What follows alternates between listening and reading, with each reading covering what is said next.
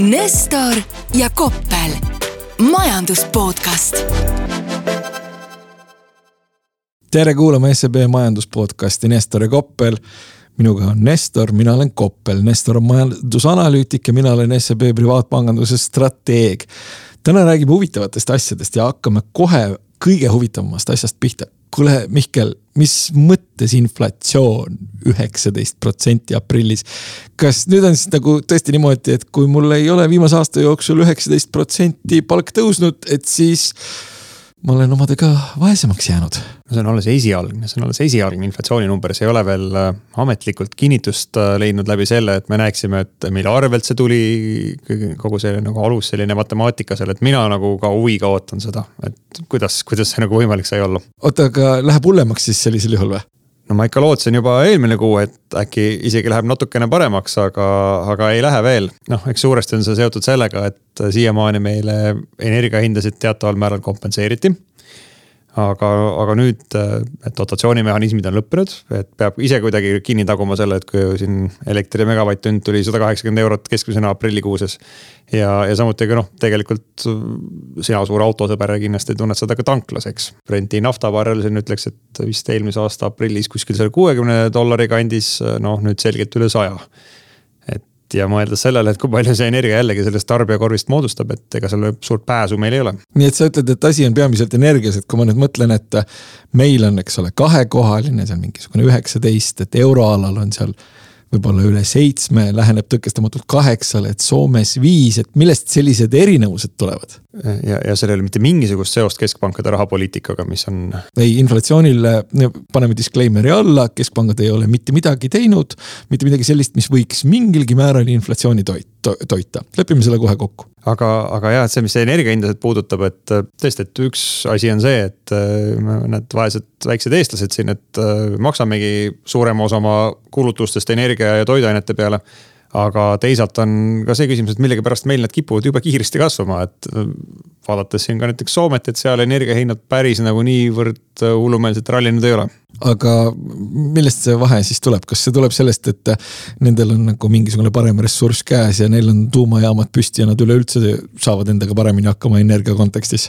natuke see elektri hind, ma arvan, siin mõjutab tõesti. Soome on olnud oluliselt tublim ju CO2 vaeste energia tarbimise vormide ülespanemisel, et noh, ühelt poolt siis mingisugune tuuleenergia, aga teisalt ka tõesti, et Soome enda tuumajaamad. et, et paratamatult, et kui sa ikka sellise tootmisvõimsuse suudad oma riigis püsti panna ja hoiad üleminekukaablit võib-olla ka mitte maksimaalselt oma naabritega, et siis äh, täna see tarbija sellest võidab. nii et siis põhimõtteliselt on meie inflatsioon, nagu ma aru saan, peamiselt äh, tulenemas äh, sellest, et energia on kallis, on püsinud kallis ja sellest, et meil ei ole endal hea hinnaga energia tootmise võimsust või, või, või veel millestki?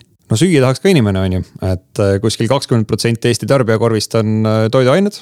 ja kui vaadata nüüd siin noh, ma ütlen jällegi, et meil ei ole selle aprilli kohta seda detailset statistikat käes seal, et noh, palju see toiduaine hind siis tegelikkuses tõusis, aga vaatasin lihtsalt hetkeks siin taustaks, et mis siis näiteks nisu hind on teinud Euroopas, mis on piima hind Euroopas, et noh, räägime siin neljakümnest, viiekümnest protsendist aastases võrdluses kasvu, jällegi süüa nagu tahaks, et äh, tuleb kinni maksta. nojah, selles mõttes, et äh, tuleb kinni maksta. minul isiklikult ilmselt oleks kasuks, kui ma sööksin veidikene vähem.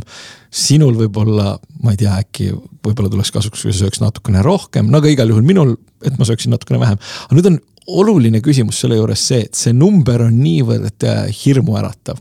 Ja see on tekitanud äh, mõtteid ka sellistes inimestes, kes võib-olla varem sellele inflatsioonile nüüd nagu nii väga ei mõelnudki.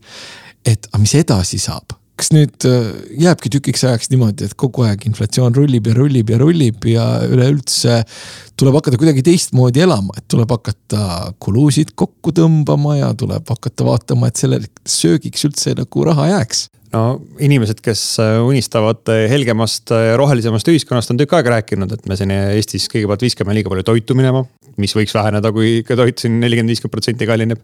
samamoodi, et sõidame liiga palju autoga, sõidame liiga saastavate autodega, võiks üldse rohkem jalutada ja rattaga sõita, et noh, selles kontekstis tahaks ju natuke loota, et see väga kõrge hind meid äh, mõjutab siis käituma kuidagi ratsionaalsemalt, aga noh, mina jällegi majandusinimesena ma ütlen, et, et inimeste see tarbimisharjumuste muutmine ei käi niimoodi üleöö, et vaatan, et noh, natuke läks nüüd kütus kallimaks, et ma täna siis nüüd enam autoga ei sõida ja ostan jalgratta, et no ei, ei juhtu lihtsalt niimoodi.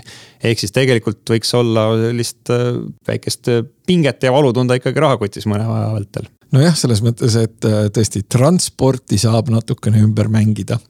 aga söögi ja toasoojaga vist on ikkagi natukene keerulisem, et sa ei saa väga palju enda seda tarbimist vähendada, kui sa nagu ühel hetkel otsustad, et kodus võiks olla näiteks seitseteist kraadi.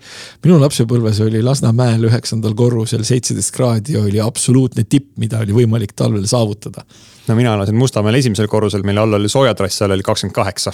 noh, selles mõttes, et spreed oli päris lai. räägid, et oli selline võrdne ühiskond, eks aga kui sina kukkusid nagu pikali selle peale, et inflatsiooninumber on üheksateist protsenti, siis äh, noh, ega see üllatas ka mind, aga mina kukkusin pikali selle peale, mis toimus siis märtsis meie jaekaubanduses äh, käivetega, et äh, kõigepealt jaekaubanduse käive siis märtsis aastases võrdluses, kui inflatsioon oli üheksateist protsenti, siis seal käive pluss kolmkümmend kuus protsenti mis räägib äh, midagi sellest, et nagu ainuüksi inflatsioonist ei piisanud.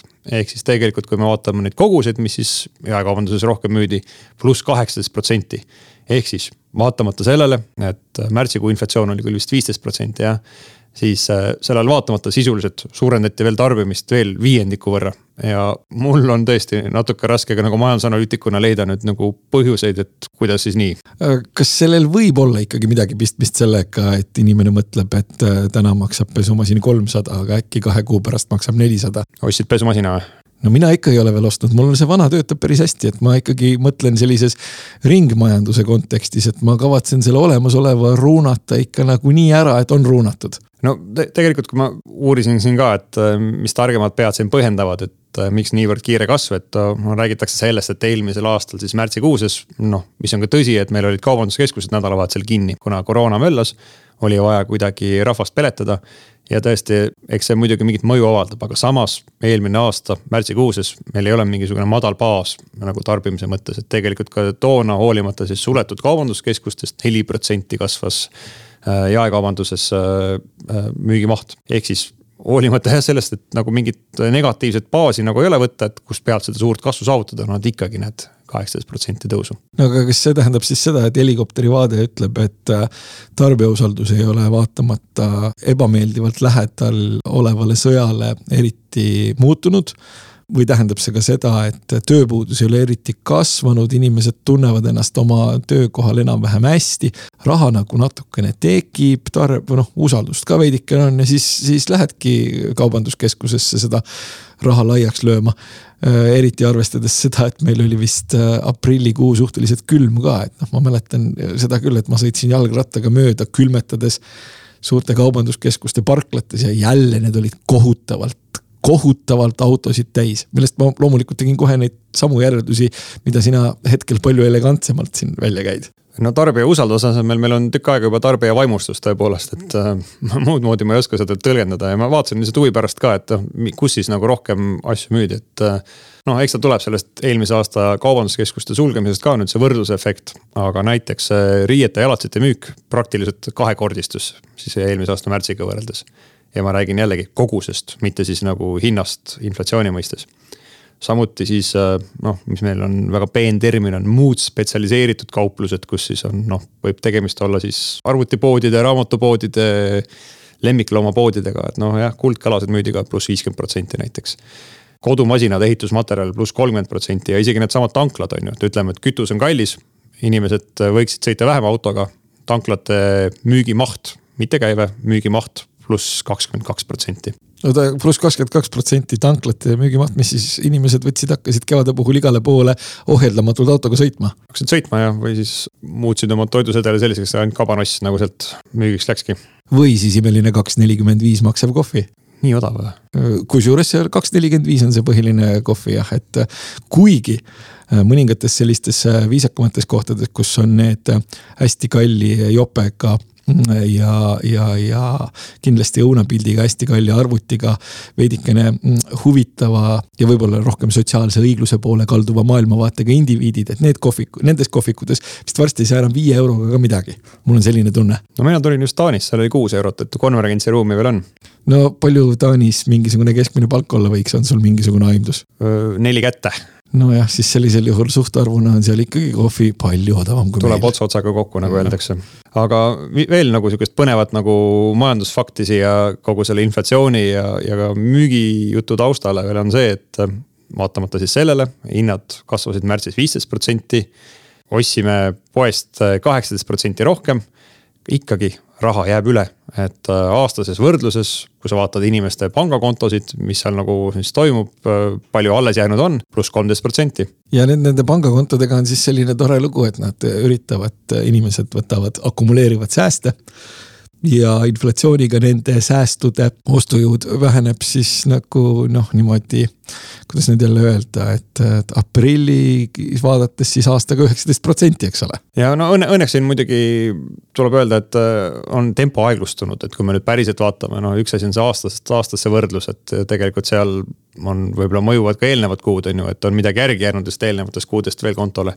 siis tegelikult nüüd äh, kuises võrdluses oli meil äh, müstiline kasv null koma null neli protsenti. ehk siis, kui sa nüüd korrutaksid selle kaheteistkümnega kuude arvuga aastas, siis eh, saaksime kõigest null koma viis protsenti kasvu, mis ei ole enam mitte midagi. aga samas arvestades seda, et kõik nii palju kallimaks läks, on ikkagi positiivne. on positiivne küll, aga ausalt öeldes mina ei tunne nagu väga suurt muret selles kontekstis, kus siis eh, niivõrd kõrge inflatsiooniga nüüd säästmismäär enam eriti, eriti nagu kasvada ei taha. no aga mis ma siis teen selle rahaga? No põhimõtteliselt võiks ju investeerida, aga selle investeerimisega teatavasti on meil ju sellel aastal selline fantastiline probleem, et sul on olnud äh, kaks võimalust, kuhu raha paigutada, on toormed ja energiasektor. absoluutselt kõik muu, kõik muu varaklassid, kõik on saanud korralikult loputada ja siin oli selles mõttes äh, huvitav situatsioon ka, kuidas siis turgudel üldiselt selliseid tulemusi kokku võttes siis ka sellised paremad tegijad leidsid, et noh, et väga hea, et kui sa olid nagu kuskil aprillis aasta algusest kaotanud circa viis protsenti, siis sul oli juba väga hästi läinud ja siis sa olid väga tubli olnud. aga ikkagi siis jõuame tagasi selle juurde, et oleks pidanud pesumasina ostma selle asemel, et nagu, kui mul ei olnud nagu taipu muidugi mingeid energiakandjaid siis soetada investeeringuna. no tundub küll, aga selles mõttes, et nende pesumasinatega on ka huvitav lugu, et ja ma ei imestaks, kui nad läheksid natukene kallimaks, sellepärast et kui vaadata seda, millest pesumasin koosneb, siis pesumasin koosneb, noh, seal on metalli päris palju, kui on, kui on paremat sorti pesumasin. ja mis mis on veel huvitav, on see, et sai just äh, loetud ühte huvitavat uudist, kus siis äh, mingisugune tööstusmasinate tootja ostis kokku pesumasinaid. mikspärast? sellepärast, et selle pesumasina juhtplokis oli paar sellist kiipi, mida neil vaja oli. ehk siis pesumasinad olid varem valmis toodetud pesumasinates olid kiibid sees ja tööstusmasinate tootja oli valmis ostma pesumasinaid selleks, et saada kätte see üks-kaks kiipi sealt pesumasinast. nii et sellises huvitavas maailmas elame praegu. aga see on selline ringmajandus ju. no ma ei ütleks, et see väga ringmajandus on, sellepärast et kui ma nüüd hakkan mõtlema, et mis nendest vaesetest pesumasinatest, millel on kaks olulist kiipi ära võetud, et mis nendest edasi saab. Eh, siis mul on suhteliselt suur kahtlus, et nad mitte kunagi mitte mingisugust pesu küll pesema ei hakka. kuule, aga Venemaal on nad laadad suutnud ka igasuguste kiipideta juba nagu tööle panna, et vändaga kuidagi saab. nojah, selles mõttes, et äh, seal piirkonnas üldiselt suudetakse igasuguseid huvitavaid asju teha, et. et äh, no ma ka mäletan, et, et West kakskümmend üks null üks erines äh, Fiat saja kahekümne neljast päris mitme huvitava aspekti poolest. ja üks aspekt oli tõesti see, et seda oli võimalik vändaga käivitada, ehk siis asi, mida itaallased selleks hetkeks isegi mitte ei mäletanud aga räägi nüüd lähemalt, et äh, tõepoolest, et mina olen ka tähele pannud, et äh, kui, kui vaadata seda, mis seal investeerimisturgudel toimub, et me pigem oleme nagu punase poole peal. samas noh, räägitakse kõrgest inflatsioonist, et äh, ühelt poolt ja võiks ju arvata, et tõusevad ka ikkagi nagu varade hinnad edasi. siin on see inflatsioon, millest me siin alguses, me rääkisime, eks ole, kohalikust info, inflatsioonist. mis oli, eks ole, kahekohaline. sai mainitud ka sellist euroala inflatsiooni ja kui me üldiselt arenenud maailma vaatame siis äh, noh, me räägime sellisest seitsmest, kaheksast protsendist inflatsioonist. ja seitse-kaheksa protsenti inflatsiooni on tegelikult arenenud maailma kontekstis väga palju. ja see on oodatust rohkem ja see on ehmatav. kui miski asi on oodatust rohkem, siis ilmselt äh, keegi võiks nagu reageerida kuidagi ja keskpangad ongi siis hakanud üha sellisemaid jõulisemaid signaale andma, et kuulge, et me ikkagi prooviks seda inflatsiooni nüüd veidikene ära summutada nende kõrgemate intressidega. Ühendriikide puhul äh, ei maksa nagu väga imestada, et nad, nad selliseid signaale annavad. sellepärast, et noh, nemad ikkagi reageerivad suhteliselt kiiresti ja on suhteliselt, suhteliselt karmid. kuigi noh, ka neid on kritiseeritud, et kui see inflatsioon juba seal kaheksa juures on, et ja, ja kaks võiks olla, et kus te nagu enne olite. aga see selleks aga mis eriti huvitav on see, mis on juhtunud Euroopas. Euroopas on juhtunud see, et aasta alguses öeldi, et noh, see aasta Euroopa Keskpank ei tee midagi. siis natukene edasi sai mindud, siis öeldi, et noh, võib-olla aasta lõpus Euroopa Keskpank midagigi natukene äkki teeb tänaseks me oleme jõudnud sellisesse kohta, kus äh, eeldatakse, et Euroopa Keskpank hakkab suunavaid intressimäärasid timmima ja mitte allapoole juba juunis. ehk siis, mis on toimunud, on see, et inflatsioon on olnud selgelt äh, suurem ja hirmuäratavam, kui äh, keegi eeldas veel mitte eriti kaua aega tagasi. ja ka keskpankade reaktsioon on olnud sellele siis nii-öelda vastav. ja keskpankade vastav reaktsioon tähendab seda, et raha läheb kallimaks, ehk siis inflatsiooni ju lämmatatakse kõrgemate intressimääradega. ja need kõrgemad intressimäärad või õigemini nende ootused on ennast juba turule läbi närinud. mis siis ongi tähendanud seda, et kui turuintressid tõusevad, mis juhtub olemasolevate võlakirjadega? hinnad kukuvad, paha, eriti investorile mis juhtub aktsiatega, noh, hakkad vaatama, et kuidas nende valuatsioonidega lood on. ja võtad, paned valuatsioonimudelisse veidikene kõrgema intressimäära, saad hoopis teistsuguse ja mis seal salata, palju madalama fundamentaalselt õigustatud hinna. ja kui nüüd ütleme selline õpiku näide, sellised toredad paksud õpikud äh, Äh, ma ei mäleta, kes see autor oli, Damodaran või, või, või oli seal keegi veel, igal juhul selline ettevõtte rahanduse õpikud ja, ja näited sellest, mismoodi turud toimivad, on see, et kui inimesed arvavad, et tulevik on ilus, siis nad ostavad aktsiaid ja võlakirjade hinnad kukuvad. kui inimesed arvavad, et tulevik on kole, siis nad ostavad võlakirju ja aktsiate hind, hinnad kukuvad ja üldiselt, kui siis üritada nagu äh, vaadata, et, et kuidas portfell kokku panna, et noh, seal võiks olla nii aktsiaid kui võlakirju. sellepärast, et kui ühed kukuvad, siis teised tõusevad. aga sellises keskkonnas nagu praegu, kus siis inflatsioon teeb kappadi, kappadi, kappadi, kapp ja, ja, ja keskpangad üritavad sellele inflatsioonile järele joosta ja seda kuidagi nii-öelda lassoga kinni püüda ja siis äh, aedikusse tagasi toppida. siis sellises keskkonnas kukuvad nii aktsiad kui võlakirjad. aga mis sa nüüd tahad mulle väita, mis ma siis võtan, müün aktsiad maha, võtan raha välja ja siis mis edasi juhtub täpsemalt, et äh, tundub ikkagi nagu kohutav mõte selles keskkonnas, kus me räägime siin ka isegi Euroopas juba kaheksa protsendisest inflatsioonist. see ongi selles mõttes kohutav mõte, sest sa, siin tuleb väga selgelt valida seda, et milliseid aktsiaid sa siis ikkagi omad ehk siis kõik, mis on intressimäära tundlik nii-öelda negatiivses kontekstis, ehk siis kõik, kes finantseerib oma kasvu, on või on kasvanud tänu sellele, et raha on hästi odav või kõik, mis on siis nii-öelda valuatsioonide mõttes või fundamentaalselt õigustatud hinnatasemete mõttes on, on, on kallis, siis kõik see on muutunud äh, suhteliselt toksiliseks. siin ei ole selles suhtes küsimustki. ehk siis äh, minu väide on, et sellises keskkonnas, kus meil inflatsioon kappab, aga kus meil reaalintressid on ikkagi äh, negatiivsed ja kogu see monetaarne keskkond on ikkagi enam-vähem soodne.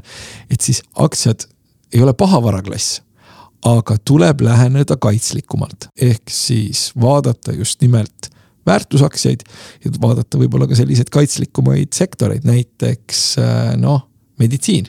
see kõik kõlab kuidagi tuttavlikult juba mulle. aga selles mõttes, et noh, eks me oleme ju siinsamas podcast'is üritanud seletada seda keskkonda või seda, et meil on rohkem kui viimase kümne aasta kõige olulisem muutus nii inflatsiooni kui intressimäärade kontekstis tegelikult ju käimas aga räägime korraks selle sinu lemmiktermini ka lahti siin kuulajatele, et negatiivsed reaalintressimäärad. see on tõepoolest lemmiktermin, sellepärast et noh, see on, kuidas nüüd öelda, et noh, mis meil siin oli hiljuti eluasemelaenu marginaal, kaks, nii.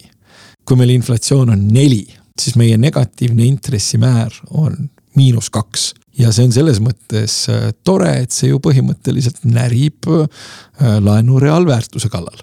ja kui ma nüüd hakkan mõtlema sellele, et okei okay,, kui mul on, eks ole, eluasemelaenu marginaal kaks ja inflatsioon on üheksateist, siis noh, põhimõtteliselt tahaks võib-olla noh, lüüa väikese tantsukese ja lüüa kokku väikese klaasi mullijoogiga. Disclaimer, alkoholivabaga loomulikult. ja, ja selles mõttes negatiivne reaalintress on midagi sellist, mis on äh, äh laenuvõtjale nagu päris, päris mõnus ja minu meelest äh, sul on isegi ju mingisugune arusaam sellest olemas, et kuidas meil selle reaalintressiga siin nagu pikas perspektiivis olnud on, et kas. kas eluasemelaenu võtja jaoks on olnud tegelikult kogu nii-öelda mäletatav turumajanduslik minevik, kus vähegi on võimalik olnud eluasemelaenu saada. puhas lust ja lillepidu selles mõttes. no meil on siin inflatsiooniga on ju igasuguseid aegasid, et aga ja irooniliselt need ajad siis, kui hinnad äh, langevad, on nagu kehvemad, et siis rea-, reaalintressimäär on nagu läbi selle tõusnud. aga, aga põhimõtteliselt jah, kui vaadata nüüd ütleme siin viimast, äh, ütleme perioodi aastast kaks tuhat kümme, siis valdavalt on tõepoolest, et reaalne intressimäär olnud äh, negatiivne aga, ja praegu, praegu nagu sa ütlesid jah, et kui inflatsioon on pluss üheksateist protsenti, et siis siin miinus seitseteist protsenti nagu tundub ka päris atraktiivne. noh jah, isegi kui ta selle nagu miinus seitsmeteistkümne peale ei, ei jää, mida ta noh, eeldatavasti ei, ei tee, sellepärast et siis oleks kõik muu piisavalt hirmus nii kaua, kui reaalintressid on äh, negatiivsed, nii kaua äh, nii-öelda pikaajaliselt võlgu olla on, on, on päris mõnus aga loomulikult, ega see ei ole ka midagi sellist, mis, äh, mis oleks siis kõigi jaoks mõnus, sellepärast et meil on ju säästjad ka, säästjad, kes riski võtta ei taha. säästjad, kes on võib-olla ka nii-öelda investeerinud võib-olla natukene liiga julgelt millessegi, mis, mille puhul nad on eeldanud nagu jõulist kasvu ja siis me jõuamegi sellisesse, sellisesse olukorda, kus äh, tõepoolest eluasemelaenu võtja teeb väikese tantsukese, aga selline distsiplineeritud säästja, kellel laenu ei ole, tantsukest eriti teha ei taha. kuule, aga meil inimesed investeerivad endiselt ainult kinnisvarasse, et siin lehe pealkirjana käis läbi, et aprillis Tallinna korterid äh, pluss kakskümmend seitse protsenti hinnas, et sa võid ka seda siis kasutada nii-öelda intressimäära arvutamisel, et äh, mis on siis kaks protsenti, meil on ju kodulaenu marginaal kakskümmend seitse protsenti hinnakasvu, et äh, tundub ka nagu päris atraktiivne pakkumine.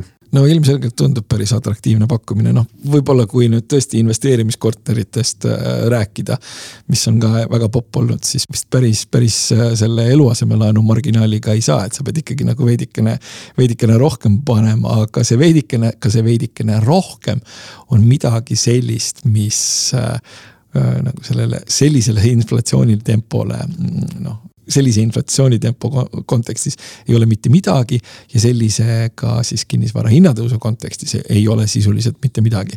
nüüd muidugi jällegi noh, tahtsin öelda miljon, miljoni dollari küsimus, aga pigem äh, arvestades meie kinnisvara hindasid, siis võib-olla kahesaja neljakümne üheksa tuhande euro küsimus on see, et kas see trend võiks mingisuguses kontekstis sellisena jätkuda.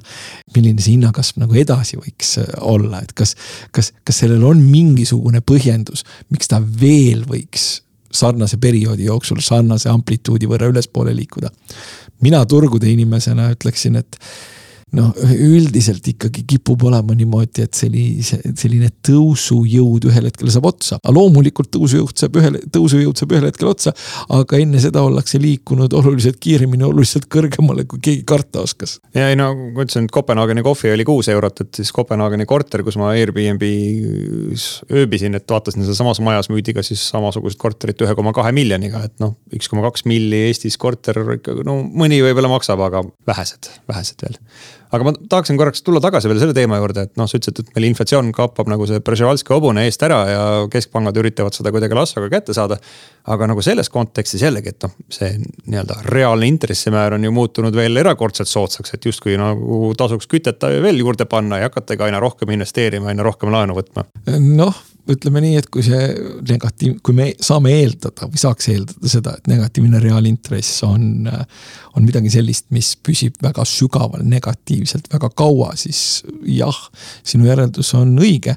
ja kui me nüüd mõtleme seda, et kus meil need reaalintressid nagu euroala kontekstis on, siis euroala kontekstis meie reaalintressid on ajaloo kõige madalamad, just jälle eelmine nädal või, või oli see üle-eelmise nädala lõpp tehti ajaloo absoluutselt kõige madalam nii-öelda tase. mis puudutab aga seda noh, inflatsiooni kui sellist, siis no ma, ma nägin unes ärge mind palun selles süüdistage kuidagi, aga kui, kui inflatsioon kappab eest ära ja siis äh, keskpank üritab seda nagu hobust lassoga kätte saada ja niimoodi tal järgi joosta, siis noh, mulle tundus seal unenäos, et ega ta nüüd nagu nii kiiresti ka ei tahtnud joosta, et ta vaatas, et ta nagu nii kiiresti ka ei jookseks.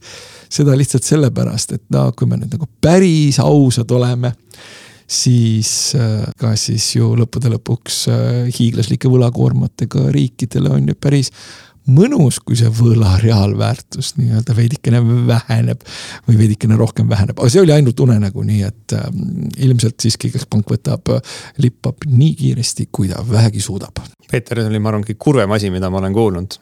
Mees, kes on, hakkab jõudma, lähenema sinna keskeale ja mida ta unes näeb öösiti, ta näeb unes intressimäärasid ja keskpanga poliitikat oi, selles mõttes, et keskpanga poliitikat, äh, see ei ole esimene kord, kui ma olen keskpanga poliitikat unes näinud. aga ma võin sulle ausalt öelda, et kui sa vaatad graafikuid palju, siis sa näed unes ka graafikuid, nii et nii palju võib-olla ei ole mõtet graafikuid vaadata. mul on õnneks on, näen, näen paremaid unenägusid veel. no ma õnneks näen väga harva unenägusid, aga siis on tõesti äh, rahapoliitika graafikud ja nafta hind aga no mina olen, kujuta ette, tähendab, et taustana, et on olemas inimesed, kes tulevad majandusanalüütiku käest majandusnõu küsima.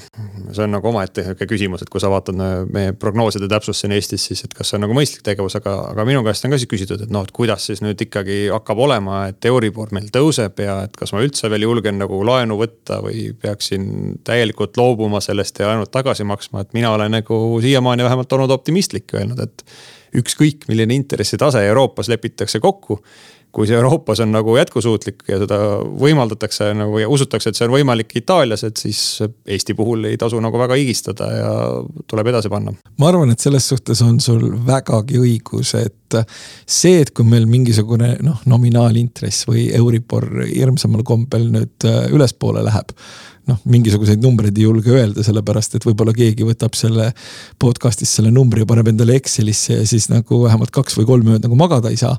et aga kui selline üldpilt võtta, siis seni kuni reaalintressid on äh, selgelt nii-öelda miinuses, võivad need nominaalintressid äh, tõusta küll ja üldiselt ikkagi.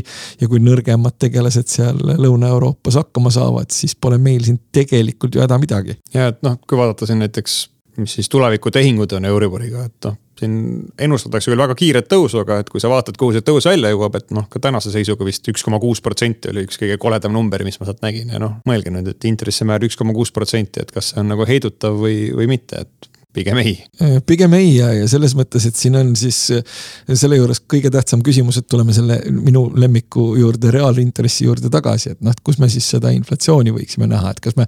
kas me näeme seda inflatsiooni kuskil sellisel tasemel, et see üks koma kuus võiks olla ka nii-öelda positiivne reaalintress, noh kindlasti ei näe ju, kindlasti mitte aga kuhu meid see veel nagu tagasi viib siis äh, turgude mõttes, et ikkagi noh, nüüd, kui ma olen kõik maha maganud, äh, unustasin õigel hetkel osta energiakandjaid ja portfelli ka ei likvideerinud, siis tead, ei ole mõtet nagu väga rabistada ja ootame siis äh, turgude taastumist, jah? Äh, taastumist kasvuettevõtete puhul praeguses kontekstis kindlasti mitte, sellepärast et need hinnatasemed olid ebameeldivalt kõrged ja need hinnatasemed eeldades, et intressid siit veidikenegi ka nii-öelda ülespoole tiksuvad, need on jätkuvalt kõrged. ehk siis selliseid vallatuid kasvuettevõtteid, nendega nüüd, nendega ei ole nüüd ilmselt mõnda aega nagu, nagu, nagu midagi teha. aga jah, selline väärtus ja selline defensiivsem osa noh, kui on aktsiatesse vaja allokeerida, siis tegelikult neid, neid kohti ka leiab ja mis muidugi ütleme, puudutab võib-olla seda energiasektorit, siis see energiasektor, ma vist seda olen ka maininud mingisugusel hetkel juba meie ühest nendest toredatest podcast idest, et noh, selliste energiakandjate hindade puhul. Nad on ikkagi noh ma kujutan ette mingisuguseid äh, rõõmsaid äh, tegelasi, kes on kuskil vannis. ja vannis on vee asemel raha ja siis nad võtavad, loobivad seda raha niimoodi üles ja ise kilkavad rõõmust. et energiasektori ettevõtete, noh, ma kujutan ette, et mingi juhatuse koosolek võib tänapäeval umbes selline välja näha see oli nii, vot see on ilus mõte, millele sa võiksid mõelda enne magama jäämist, et näha paremaid unenägusid. aga oleme jällegi pool tundi siis eetrit ära täitnud ja jääme, jääme nende ilusate unenägude peale lootma ja loodame, et läheb hästi ka kõik majanduses. aga kõike head. Nestor ja Koppel, majandus podcast